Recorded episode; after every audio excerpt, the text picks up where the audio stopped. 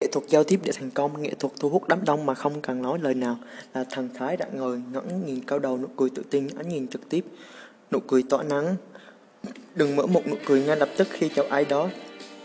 Như thể bạn đang rất mong chờ bất kỳ ai bước vào tầm mắt. Thay vào đó, hãy nhìn vào khuôn mặt của người khác trong một giây.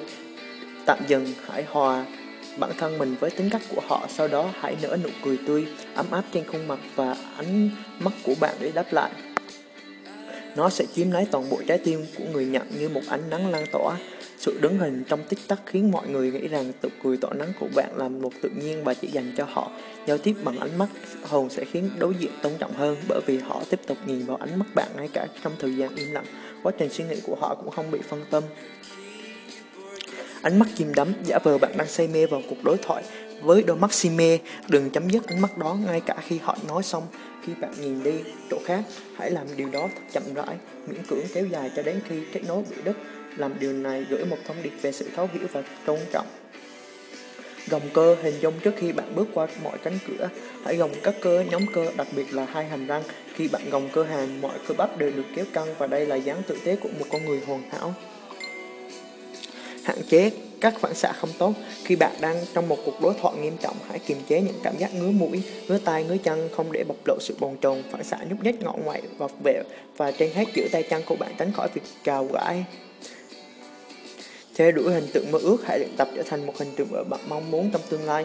Bạn muốn mình sẽ bước đi với tư thế tự tin, bắt tay đón chào, nở nụ cười tỏa nắng và thể hiện ánh mắt thu hút, lắng nghe mọi người trò chuyện thoải mái, tự hào khi biết mình đang ở phong độ đỉnh cao với mọi người đang hướng về bạn, đánh thức bản thân trở thành một hình tượng dáng mơ ước sau đó để tất cả diễn ra thật tự nhiên.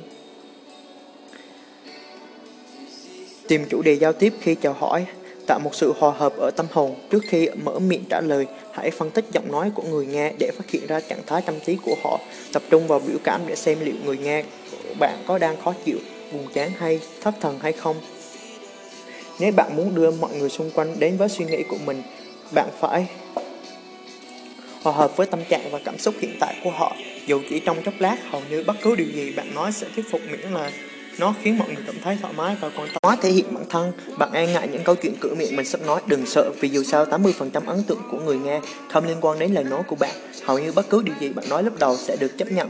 Bất kể là câu nói bông đùa hay nhạt nhẽo đến đâu chỉ cần bạn tâm trạng đồng cảm, thông thái tích cực và phong cách truyền tải nhiệt huyết bản thân trở nên thú vị. Luôn tạo điểm nhấn bất cứ khi nào đến một buổi tiệc hay cuộc họp hãy ăn mặc mang theo thứ gì đó bất thường để tạo một mới lần đầu sẽ thích thú. Đi đến gần chỗ bạn đang đứng như tạo một cơ hội người khác tiếp cận, đó là các đối thủ nào được thu hút bởi những truyền cảm hứng, họ sẽ tiếp cận bạn và hỏi, các bạn đang theo, đang mang là cái gì đấy vậy? Đừng để bước giới thiệu bị nhàm chán. Khi giới thiệu bản thân, người đừng nói là câu đùa nhạt nhẽo hoặc ngoan hoặc đứng đó cười toe toét vô ý tứ.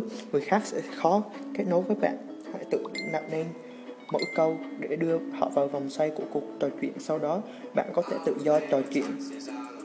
Hoặc tiếp tục, có cơ hội tiếp theo. Trở thành thám tử lời nói. Hãy lắng nghe từ ngữ trong lời nói của đối phương để biết đề tài mà họ ưa thích. Manh mối chắc chắn sẽ lộ ra. Sau đó, cảm hứng về chủ đề được tung ra chuyên giúp buổi trò chuyện nếu như thám tử Sherlock Holmes, bạn sẽ manh mối về chủ đề hấp dẫn đối với người khác, nhưng với thực sự tự tin và sự biết rằng phát triển người hơn nhờ lắng nghe và nói. Nghệ thuật giao tiếp chuyên nghiệp.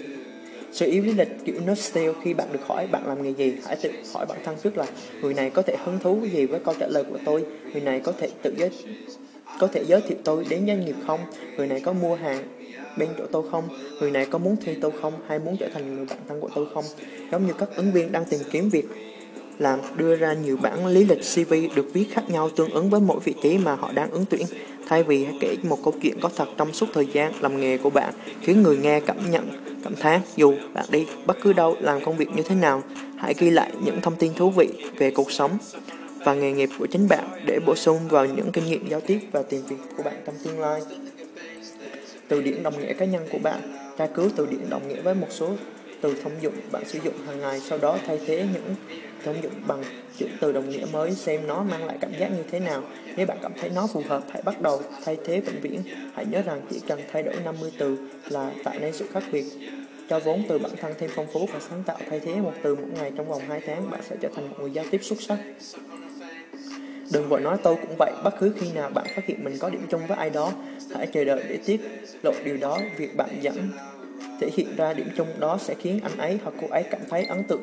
Bạn sẽ trở thành một người nổi bật và tự tin, không phải là người bắt chước theo những gì người khác nghĩ dễ dàng. Giao tiếp là giao tiếp với bạn đầu tiên nên bắt đầu với câu nói bạn thay vì tôi. Nó ngay lập tức thu hút sự chú ý người nghe và nó nhận được nhiều hơn phản hồi tích cực, giúp đối phương nghĩ rằng bạn đang cố gắng nói về họ. Khi bạn biết mình trở thành người tâm lý phóng khoáng trong suốt cuộc trò chuyện, người nghe sẽ thấy nó một sức hút không thể cưỡng lại. Những người giao tiếp giỏi biết rằng có một từ gồm ba chữ cái hơn cũng hút một cách chữ xét đó là you, comment unique your compliment. Đừng nói cảm ơn trống không, đừng bao giờ để cụm từ cảm ơn đứng một mình từ A đến Z. Hãy luôn đến kèm một lý do cụ thể cảm ơn bạn vì bên cạnh tôi vào những lúc khó khăn.